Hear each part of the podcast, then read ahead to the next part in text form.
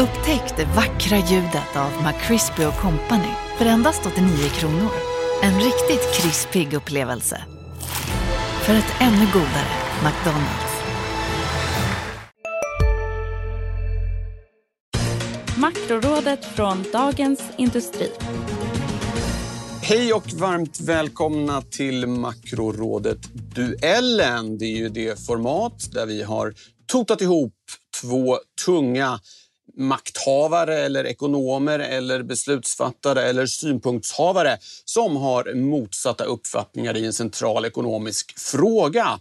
Och dagens gäster är Cecilia Skingsley, förste vice riksbankschef, stand-in för Stefan Ingves kan man väl säga. Du är nog ganska känd för lyssnarna och läsarna. Eh, vi har också med oss Peter Englund. Du är professor emeritus i nationalekonomi knuten till Handelshögskolan.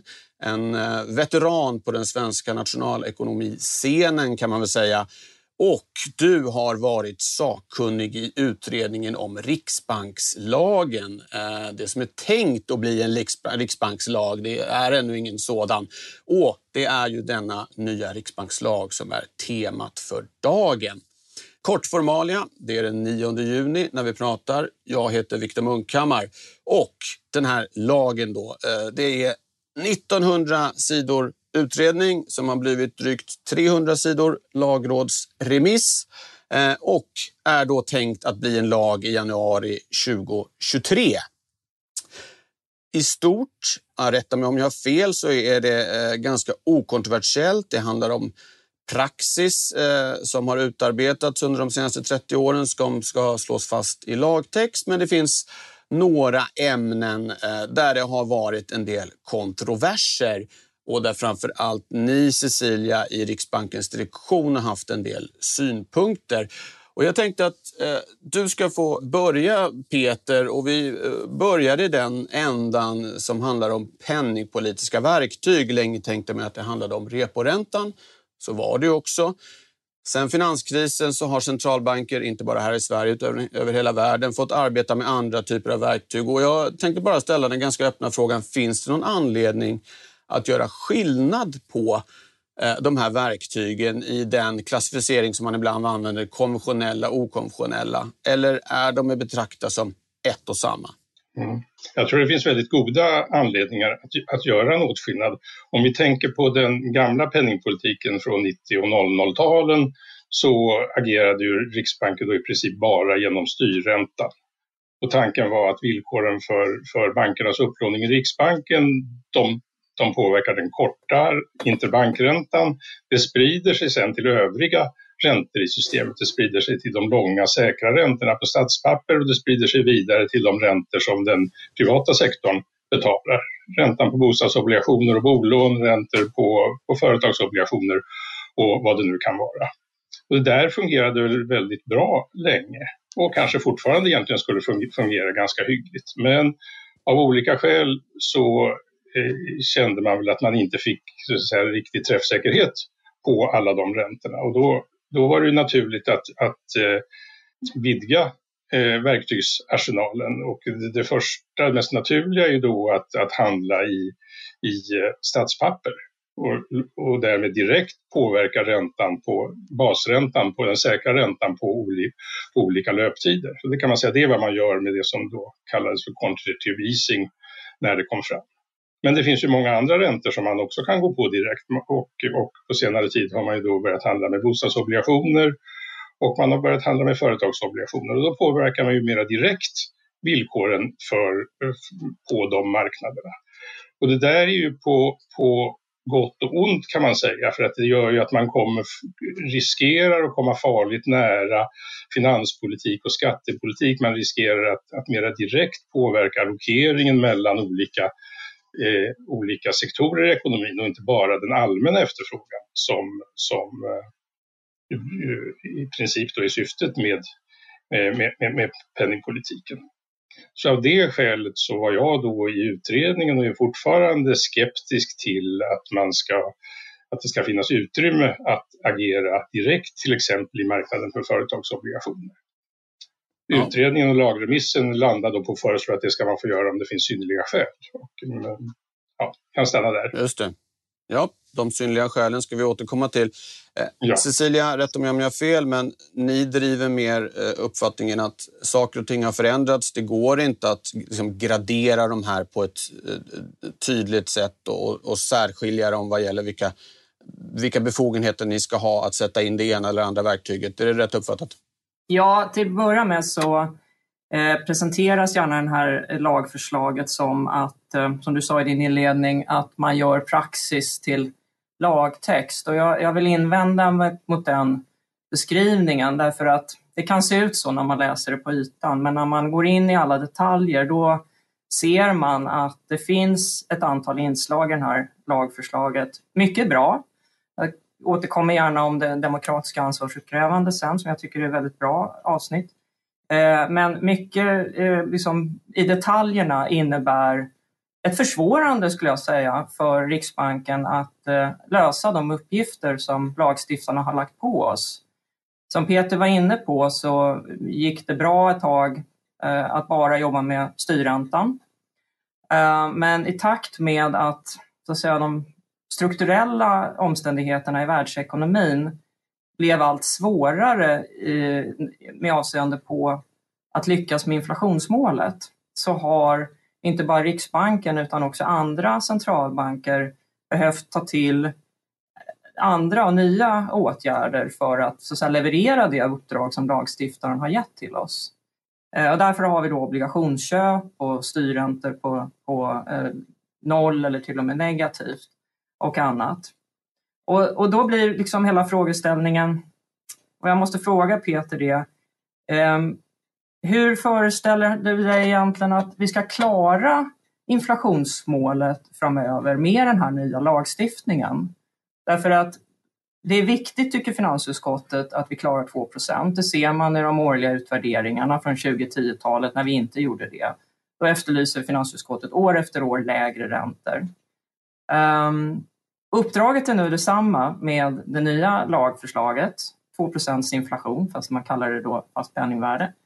Eh, men förutsättningarna har försämrats och du vill dessutom eh, strama åt verktygen som vi ska använda. Så då är min fråga, är det, är det inte så viktigt det här med inflationsmålsuppfyllelse längre? Eller föreställer du dig att det ska gå ändå för Riksbanken att, att klara sitt lagstadgade uppdrag?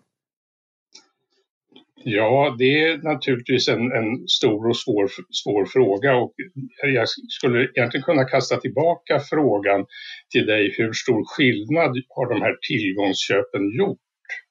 Och varför väljer man att inte utnyttja gränserna för hur långt man kan pressa den negativa räntan utan snarare ger sig in på och agera i bostadsobligationer och eh, och företagsobligationer. Vet vi egentligen den marginella effekten av de här obligationsköpen? Jag tittade lite på, det är en stor studie som Bank of England har gjort där man just säger att det är, det är oerhört svårt att utvärdera eh, ex, exakt de här nya okonventionella metoderna. Och då är det, mer, då är det egentligen mer traditionell quantitative easing de pratar om som jag, som jag inte har några, några svårigheter som helst med. Men, men svårigheterna kommer ju när man liksom ska gå, gå vidare ut mot mer och mer, mer exotiska eh, instrument. Nu, nu har, har, Riksbanken i Sverige, och det är ni ju inte ensam om, det, det, Bank of England gör också det eh, på, i liten skala handlar i företagsobligationer. Då kan man eh, kasta frågan tillbaka till dig Är företagsobligationer gränsen för vad man, vad man ska handla i? Rent teoretiskt, och, och det tillåter ju då även, även om jag förstår det rätt, eh, lagråd, lagrådsremissen skulle man kunna, kunna handla i aktier. Vill, vill man det? Jag säger inte att jag vet hur man, ska, hur, man, hur man ska uppnå inflationsmålet. Jag kan också tycka att det är en gåta att man inte, att man inte kommer upp i de två procenten. Och egentligen är ju, är ju dagens situation ju paradoxal. Alltså man, man, det här med oberoende riksbank eh, införde man ju mot bakgrund av svårigheten att hålla inflationen i schack. Nu har man motsatt situation, man har svårt att, att liksom komma upp i, i målsatt inflation. Och i grund och botten tror jag det har att göra med, real, med alltså den oerhört låga realräntan. Och det, det är ett, det begränsar ju penningpolitikens möjlighet. Kort sammanfattning bara då innan du får komma in och svara förstås Cecilia. Peter, du anser att med köp av bostadsobligationer och företagsobligationer hamnar man lite för nära det som traditionellt har legat på finanspolitik, skattepolitik kanske. Cecilia, du säger ja, men vi har inte klarat inflationsmålet. Alla säger till oss ni måste klara inflationsmålet. Varför vill ni ta bort de verktyg vi försöker använda för att uppnå det här? Och du Peter ifrågasätter då bland annat med hänvisning till en eh, studie av Bank of England att om de här verktygen som exempelvis eh, ja, köp av värdepapper av olika slag kanske ändå inte har varit så effektfullt. Varför testar ni inte att pressa räntan i botten så långt det går istället? Varsågod Cecilia. Du fick frågan tillbaka. Ja, jag samla upp Jag lite. tror Peter har en poäng ja. i att uh, det är, uh, vi har inte så mycket forskning. Liksom, datapunkterna är inte så många när det gäller obligationsköpen och därför är det svårt att att eh, i detalj kunna klara ut vad det får för, för effekt på allmän efterfrågan och därmed på våra förutsättningar att klara inflationsmålet, eftersom det här har inte pågått i så många år.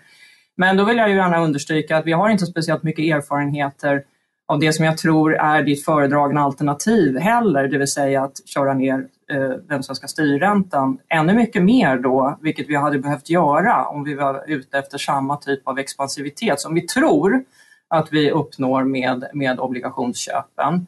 Eh, det är också oprövad terräng. Ehm, vi var nere på minus 0,5 procent där under en period. Eh, vi tyckte att det gav en transmissionsmekanism som var tillfredsställande. Men, men ingen vet egentligen, inte du heller, eh, hur ekonomins aktörer skulle reagera om vi hamnade på minus 2 eller minus 3. Vilket ju nog hade varit liksom alternativet om vi inte hade kunnat köpa värdepapper i den, den skalan som, som vi nu gjorde. Ehm, så att, eh, och det här bara belyser egentligen en av våra synpunkter som vi har haft på, på förslagen från, från, från, från Riksbanksutredningen, nämligen att vi vet inte vilka svårigheter, vi vet vilka svårigheter vi har idag med att leverera på det lagstadgade uppdrag. Vi vet ingenting om våra svårigheter framöver. Det vi vet, det är att det är nog lika viktigt att eh, klara inflationsmålet från så att säga, båda hållen. Eh, kampen var på andra sidan för ett antal decennier sedan. Då tyckte man den högsta visdomen var självständiga centralbanker. Men det är ju viktigt också att klara det från andra hållet så att vi inte får en deflationsspiral. Och det är därför jag eh, efterlyser att vi kan fortsätta ha frihetsgrader på samma sätt som hittills. Eh, men att det då ackompanjeras med en mer strukturerad demokratisk ansvarsutkrävande på det sättet som, som, som lagstiftarna nu föreställer sig. Så behålla rörelsefriheten men, men, eh, men lägga betydligt mer resurser på, på, eh, på granskningen än vad som har gjorts hittills. Peter, vill du komma med någon väldigt kort replik där eller ska vi ta oss ja, vidare? Ja, ja. alltså, alltså, alltså, en sak är ju att man ändå kan fråga sig varför ni har gått från minus 0,5 till 0 och, och samtidigt eh, eh gjort eh, Eh, obligationsköp snarare än att då ligga kvar på minus 0,5 eller möjligen krypa lite längre ner. Ni måste ha uppfattningen att den policymixen av någon anledning är mer, är mer, är mer effektiv. Och den andra kommentaren är att lagförslaget är ju ändå väldigt, väldigt flexibelt och generöst. Det tillåter ju köp av, finans, av, av finansiella värdepapper vad det vara må om man har synnerliga skäl för det. De synnerliga skälen kan ju vara att man inte kan pressa, kan ju vara att man inte kan pressa eh, räntan längre ner om man tycker att man har nått den, den nedre gränsen.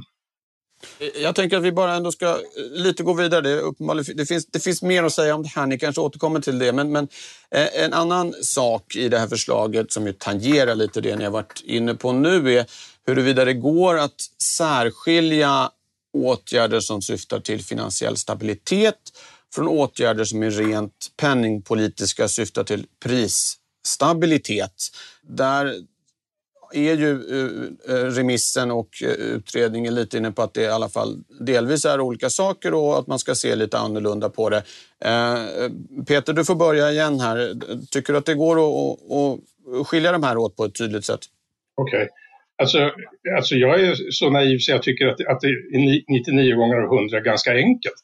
Och jag tänker mig ungefär så här, varje gång Riksbanken gör någonting så finns det ett beslutsprotokoll och det finns ett pressmeddelande. Och går man till dem så ser man ju nästan genomgående vad, vad man är ute efter. Jag gjorde så att jag tittade på, på beslutet när ni, ni började köpa företagsobligationer, för jag tänkte det är ändå någonting som jag, jag undrar hur, hur motiverar ni det? Men det, och det står väldigt tydligt då att det, jag, jag citerar, jag skrev ner det här, för att underlätta återhämtningen behöver penningpolitiken göras ännu mer expansiv. Och därför börjar Riksbanken köpa företagsobligationer. Det är alltså, alltså enligt Riksbankens uppfattning penningpolitik man bedriver. Och det är en klassifikation som ni gjorde trots att ni liksom inte har ingen lagstiftning som, som tvingade er till det. Och I samma beslutsmeddelande så talar ni om, om när ni började köpa bostadsobligationer som ju var mitt i krisen och då hänvisar man till, till finansiell stabilitet. Så när det programmet påbörjades så, så var det en finansiell stabilitetsåtgärd. Så att eh, jag, jag har ärligt talat svårt, och det där var ju en diskussion under hela utredningens gång, så en återkommande diskussion, en återkommande synpunkt från riksbankshåll som jag har lite svårt att förstå faktiskt. Ja, Cecilia? Ja, den här uppdelningen då som eh, en del av hjärnorna bakom förslaget eh, föreställer sig, det är ju en, en väldigt, väldigt svensk konstruktion. Eh, vi har inte hittat något annat land där lagstiftarna föreställer sig att man ska dela upp det. Att ibland så bedriver centralbanken penningpolitik och då är det vissa typer av parametrar som ska gälla och en viss uppsättning verktyg som ska gälla. Och I andra eh, avseenden så gäller det då finansiell stabilitet och då, då gäller en annan uppsättning eh, verktyg. Det här är någonting som eh, handlar egentligen om så kallade instrumentoberoendet och det här, det här vet ju Peter väl att för att man ska kunna definiera en centralbank som självständig så finns det ett antal kanaler för oberoendet och instrumentoberoende vill säga att man har optionen att välja rätt verktyg för att lösa uppgiften som är för dagen är en, liksom en väldigt viktig parameter. Och att då dela upp det på det här sättet, det har ju både Europeiska centralbanken som bevakar att Sverige följer sina åtaganden som EU-land slagit ner på eh, och jag vill minnas att även Internationella valutafonden har påpekat att om Sveriges riksdag går den här vägen och delar upp det på det här sättet, eh, då blir man helt annorlunda jämfört med hur centralbankslagstiftningar ser ut i andra delar av världen. Så skulle man ju kunna ha det. Jag menar, vi böjer oss för lagstiftarens vilja naturligtvis, men vi kommer att bli en udda fågel. Och eh, de som är riktigt kritiska mot det här, de menar ju på att det här bakvägen kringskär den penningpolitiska självständigheten. Det är ju en viktig faktor för Sverige som EU-land att, att upprätthålla en självständig penningpolitik. Om man då liksom skärmar av det och lägger det åt sidan, då har man ju så att säga bakvägen stoppat in en hand in i, i centralbanken från politiskt håll och, eh, och, och styr den vägen. Eh, jag kan säga så här, jag som har suttit i krisen då det senaste året Eh, och vet vilka oerhört stora och svåra beslut man har att fatta med begränsad information och på kort varsel. Eh, jag kan inte själv på förhand säga precis nu är det 100% penningpolitik eller nu är det 100% finanspolitik.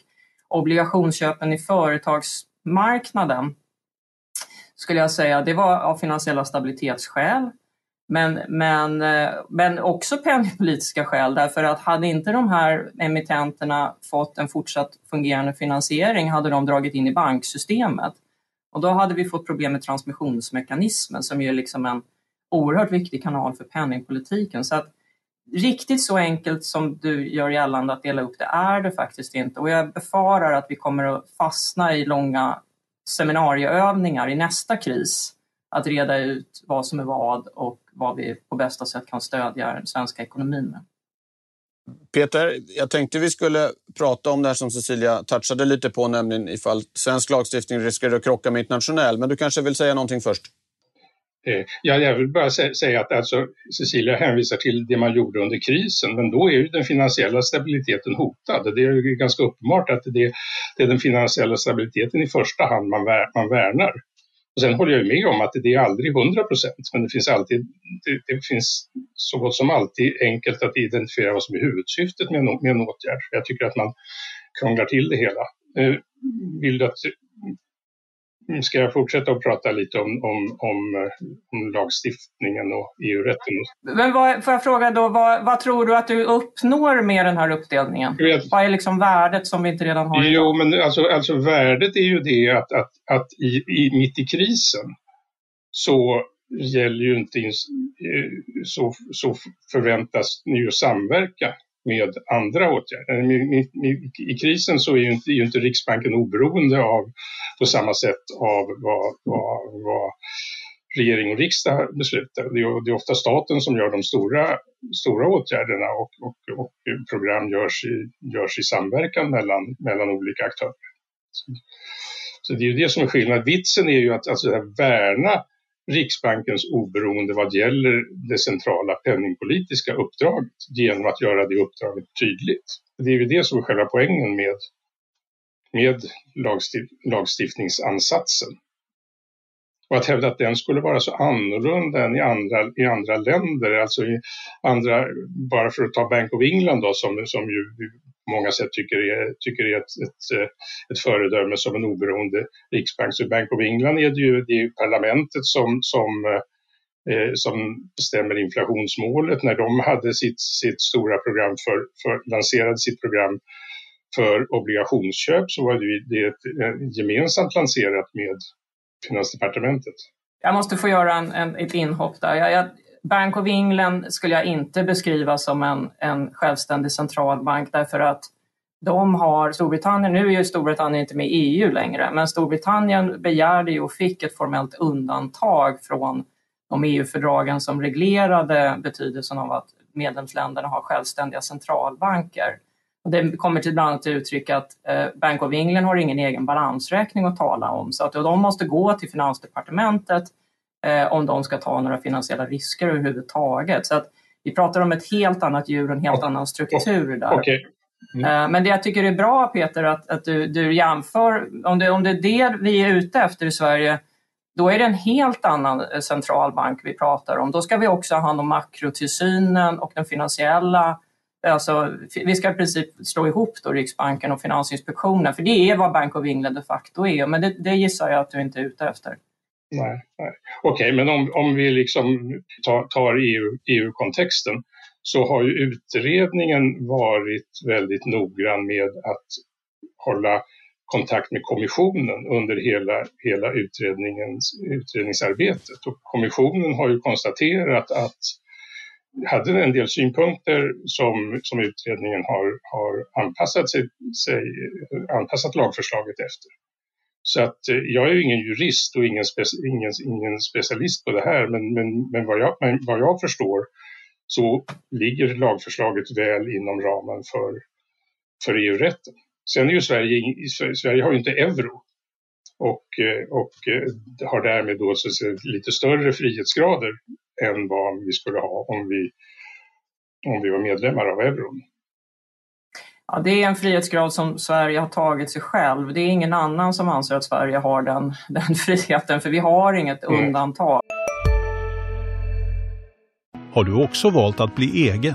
Då är det viktigt att skaffa en bra företagsförsäkring. Hos oss är alla småföretag stora och inga frågor för små. Swedeas företagsförsäkring är anpassad för mindre företag och täcker även sånt som din hemförsäkring inte täcker. Gå in på swedea.se företag och jämför själv. Hej, Synoptik här. Hos oss får du hjälp med att ta hand om din ögonhälsa. Med vår synundersökning kan vi upptäcka både synförändringar och tecken på vanliga ögonsjukdomar. Boka tid på synoptik.se. Nu, det här är ju frågan föremål för liksom politiska juridiska bedömningar som du och jag som ekonomer kanske ska avstå ifrån. Men jag bara konstaterar att vi har inte samma undantag som till exempel britterna hade som gjorde att de kunde göra sin centralbank på det sättet de fann lämpligt.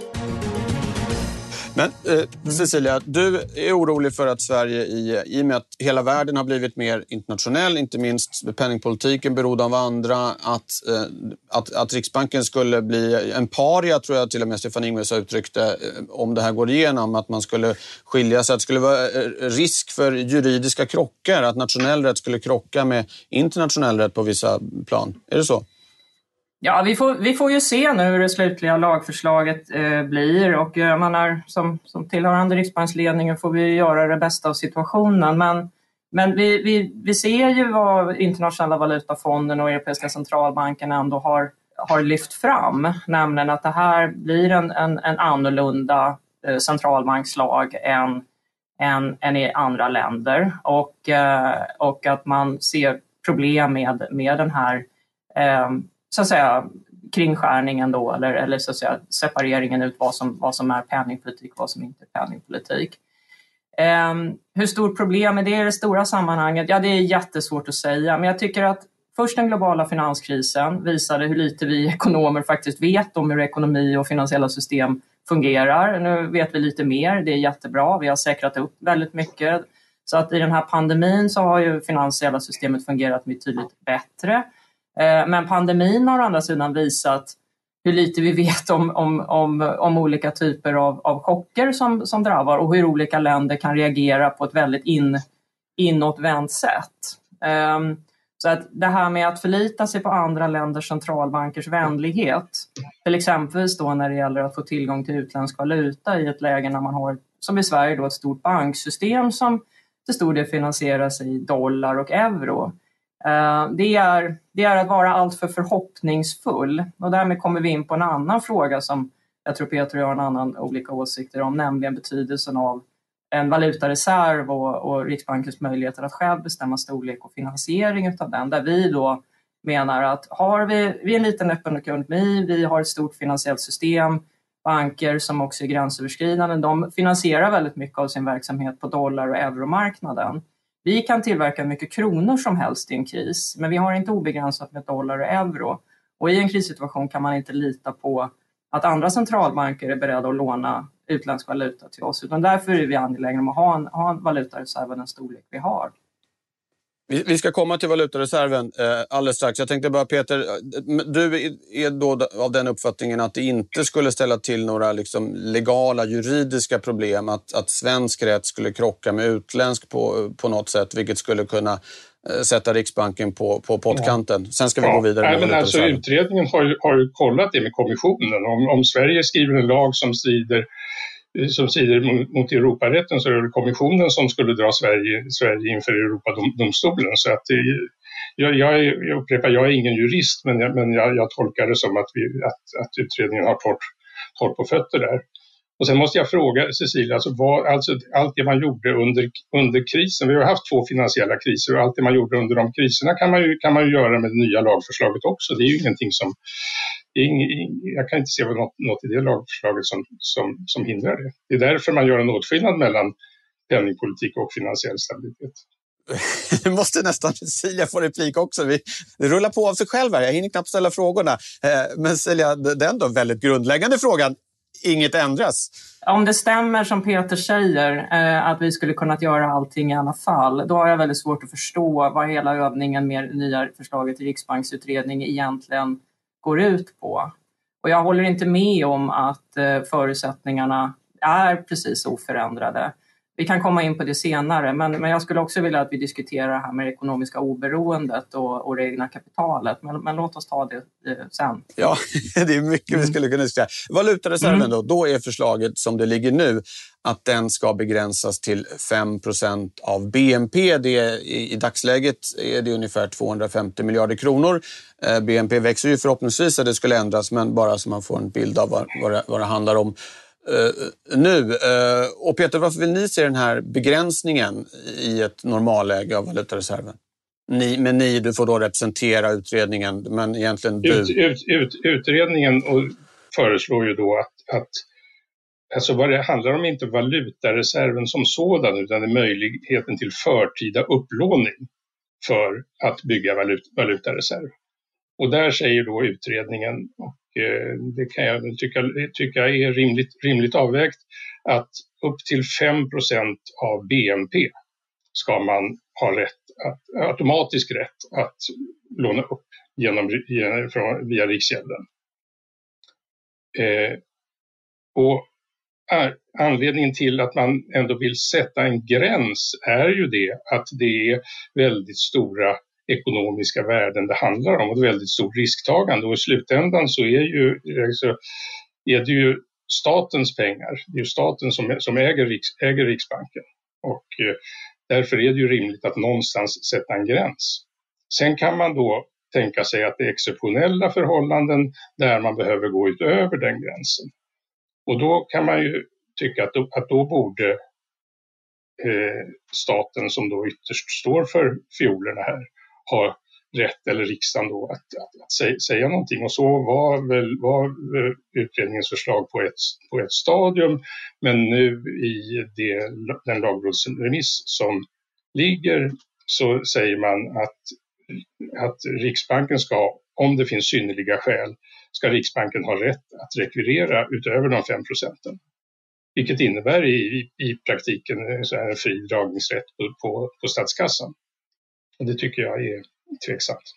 Ja, nej, finansutskottet skulle ju kunna säga nej i en sån situation. Så att, eh, lagstiftaren bestämmer liksom vilka, vilka restriktioner lagstiftaren vill sätta in. Det som är varit poängen är poängen med, med valutareserven nu för tiden finns ju av historiska skäl att upprätthålla fast växelkurs och liknande, men nu är det ju så att säga en, en slags ekonomisk version av JAS-plan egentligen, det vill säga vi har ett stort finansiellt system i Sverige, eh, dessutom banker som verkar i andra länder.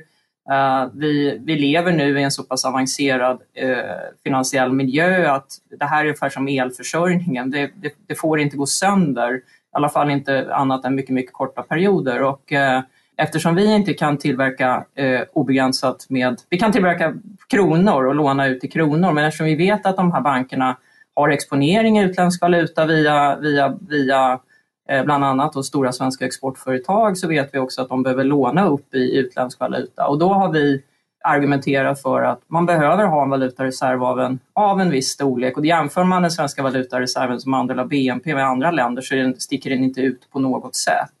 Och jag tror att Peter är överens om att man kan behöva valutareserv, man kan behöva ingripa i en krissituation. Det vi, det vi, där vi har kanske lite olika åsikter, men jag tror inte den är så, så överväldigande. Det är liksom hur, hur styrningen, eh, politiska styrningen över detta ska se ut. Jag tycker att det här har landat bra i förslaget, det vill säga att eh, det finns, vi har en dragningsrätt upp till en viss nivå om man uttrycker sig så. Behöver vi mer så får vi gå till riksdagen och lägga fram vårt, vårt case så att säga. Det, det är bra. Eh, man har lagt in lite förslag i, i utredningen om hur, eller i lagrådsremissen om hur man får använda olika delar av valutareserven som kan vara lite knöligt, men, men det går säkert att leva med. Då går vi vidare på eh, det som är, tycker jag, den riktigt springande punkten i, det här, i den här remissen och som Peter också återkommer till, nämligen den här formuleringen om synnerliga skäl. Eh, det verkar som att det mesta går ändå att göra om det föreligger synnerliga skäl. Och den där formuleringen är väl en sån som jurister tycker om att kasta in i, i, i lagar för att liksom visa att det ska vara ja, ett speciellt läge. Men det är ju inte definierat riktigt vad det här synnerliga skäl innebär. Eh, vad tänker du dig, Peter, när, när ni liksom hade med det här i, i utredningen? Det förekommer ju där också. Vad, vad, hur, hur, ska man förstå det här på förhand? När ska man veta om det föreligger synnerliga skäl? Men det är väl som Cecilia säger, att, att, att världen förändras ju hela tiden. Och, och eh, motsatsen, att man hade en alldeles rigid lagstiftning som inte innehöll några tolkningsmöjligheter, eh, är ju eh, skulle ju strida mot det. Då skulle man så att säga få skriva om riksbankslagen med jämna mellanrum vartefter, vartefter det finansiella systemet och det internationella beroendet förändras. Så i princip tycker jag, har jag svårt att se att det är något konstigt med att man har synnerliga skäl. Man har ju också något som kallas för proportionalitetsprincipen, att, att, och att alla åtgärder som Riksbanken gör har ju sidoeffekter på, på, på annat än, eh, än inflationen och den finansiella stabiliteten och då ska, ska åtgärderna vara, vara proportionella.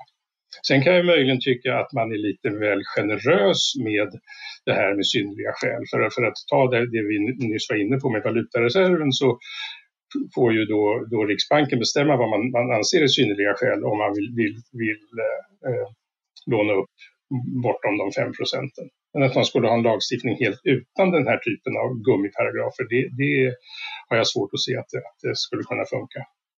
Och till dig då Cecilia, löser inte den här formuleringen egentligen alla era problem? Därför att ingen säger på förhand vad som är synliga skäl. Ni kan bestämma när det är synliga skäl.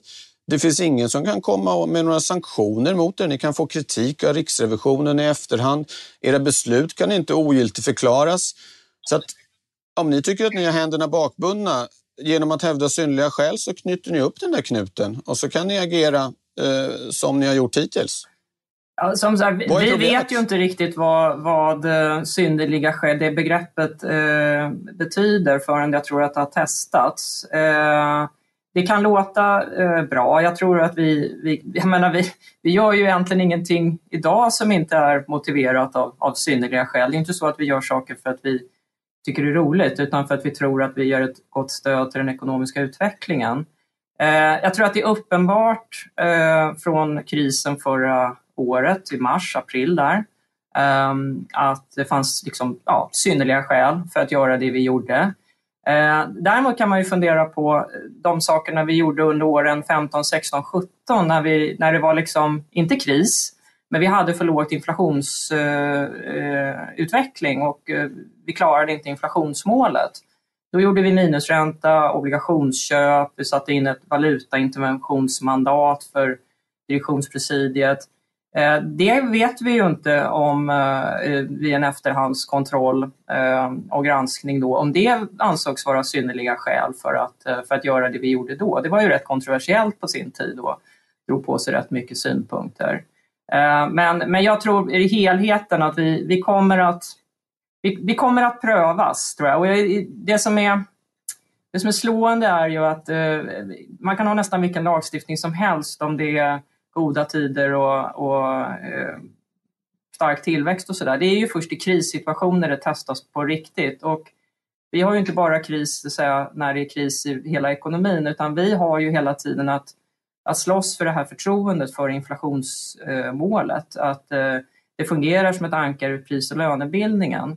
Och en av fördelarna med, med den nuvarande lagen det var att de frihetsgraderna vi haft med den eh, gjorde att vi kunde med gott samvete och, och liksom självförtroende säga till ekonomins aktörer att vi kommer att vidta åtgärder tills vi har nått inflationsmålsuppfyllelsen eh, igen.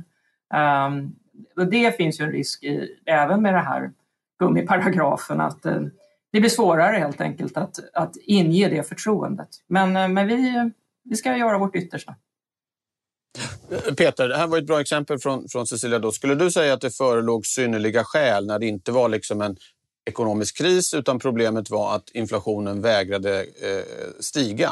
Är, är, är, det någonting som du tolkar skulle rymmas inom den här gummiformuleringen? Eh, jag, jag, är, jag är nog tveksam till om det, om det skulle om det skulle rymmas. Men vänta, vänta, vänta nu ett tag, vad, vad, vad, vad, talar vi här om? Vi, vi, tal, vi talar om en, en, period när man gjorde... 15 till 17 när vi eh, hade minusränta och expanderade. Alltså vi började köpa statsobligationer då mm. i stor skala och vi byggde en portfölj från 0, 10 till ja. eh, 300 ja. miljarder. Och det var ju för att återföra inflationen till målet, vilket vi lyckades med 17. Då. Mm.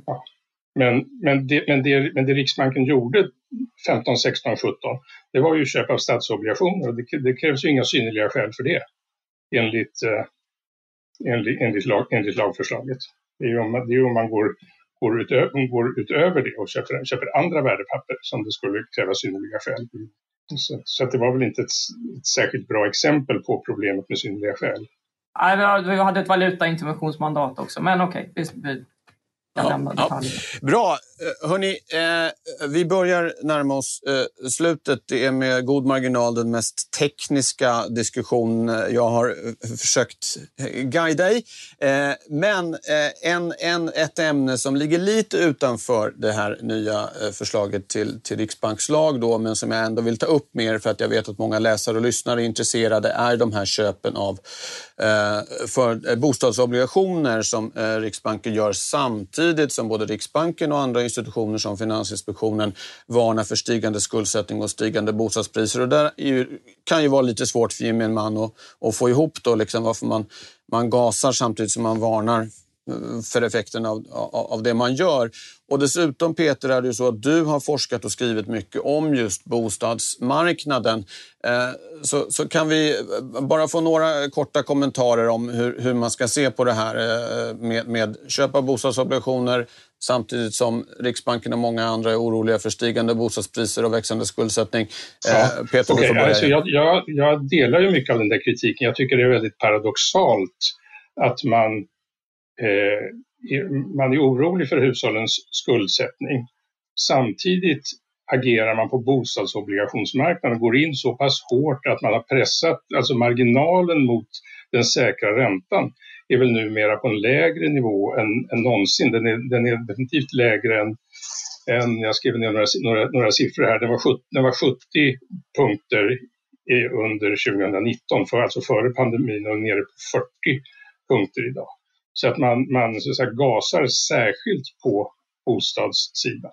Samtidigt som man då, är, och det här har två problem. Det ena är ju att, att det stimulerar eh, bostadsefterfrågan och därmed hushållens efterfrågan på lån som då Finansinspektionen försöker, mot, försöker motverka.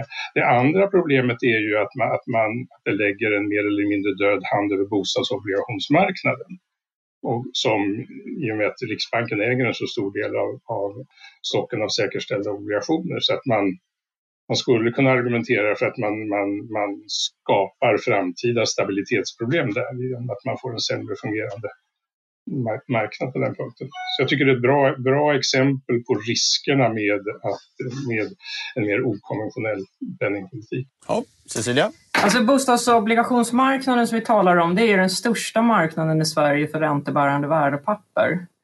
Um, och uh, när vi gick in i krisen då förra mars så då satt vi redan med en väldigt stor mängd statspapper, närmare 50 procent.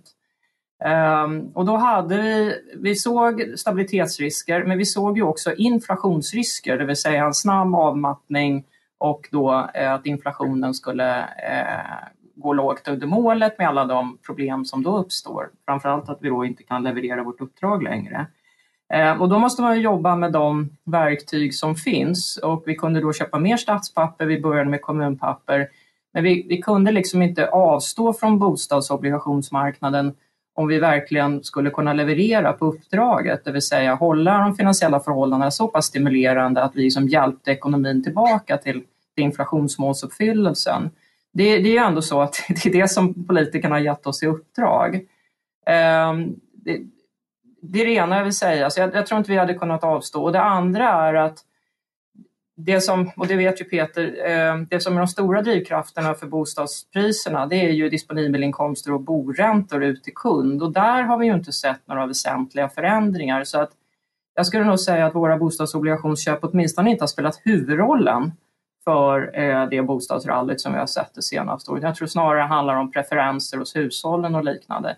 Sen håller jag med om att det, det, det framstår som motsägelsefullt och hade jag kunnat hade jag gärna avstått från de här bostadsobligationsköpen. Men återigen, vi har ett inflationsmål att leverera på och då kände vi oss nödda och tvungna att jobba med de verktyg som stod till buds. Men, men, men, då är jag, alltså jag håller med om att det inte är huvud, huvudorsaken till, till, till bostadsrallyt, absolut inte.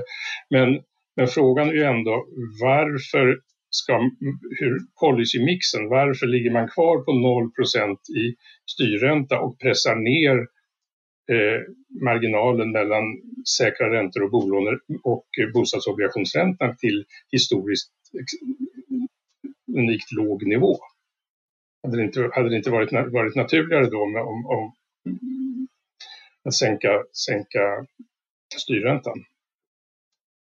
Ja, det där är ju en aktuell penningpolitisk fråga, eh, men jag, jag, låt mig ge ett kort svar på den. Eh, till att börja med, det är svårt att styra spreadar i detalj. Jag tror att det är liksom det hela paketet av, av stimulansåtgärder som, som eh, har, ger de nivåer och de spreadar vi har.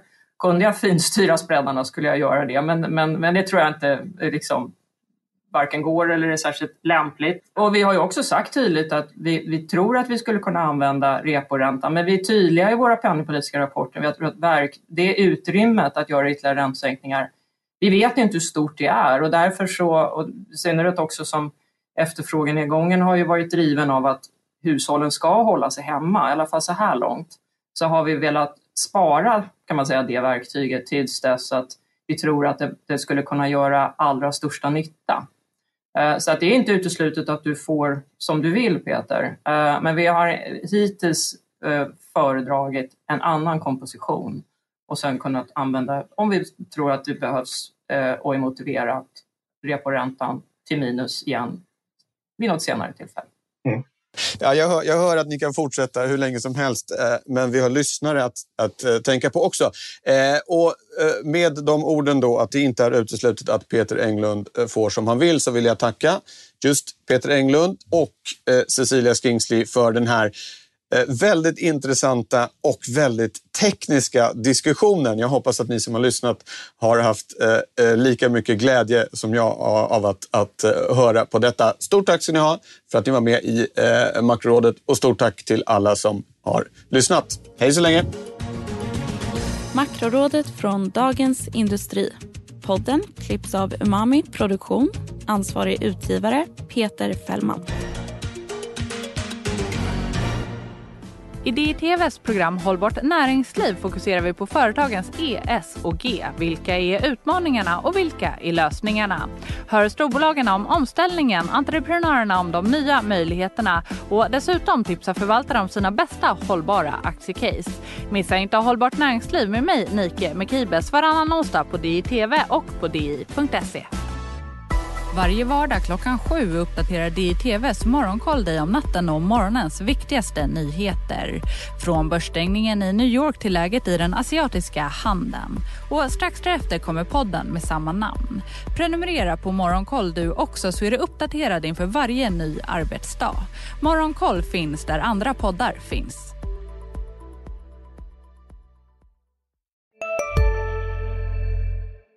Hej, Susanne Axel här. När du gör som jag och listar dig på en av Krys vårdcentraler får du en fast läkarkontakt som kan din sjukdomshistoria. Du får träffa erfarna specialister, tillgång till lättakuten och så kan du chatta med vårdpersonalen.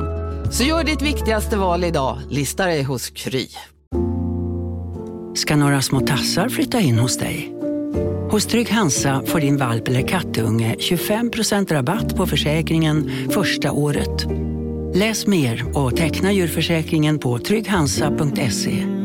Trygg Hansa, trygghet för livet.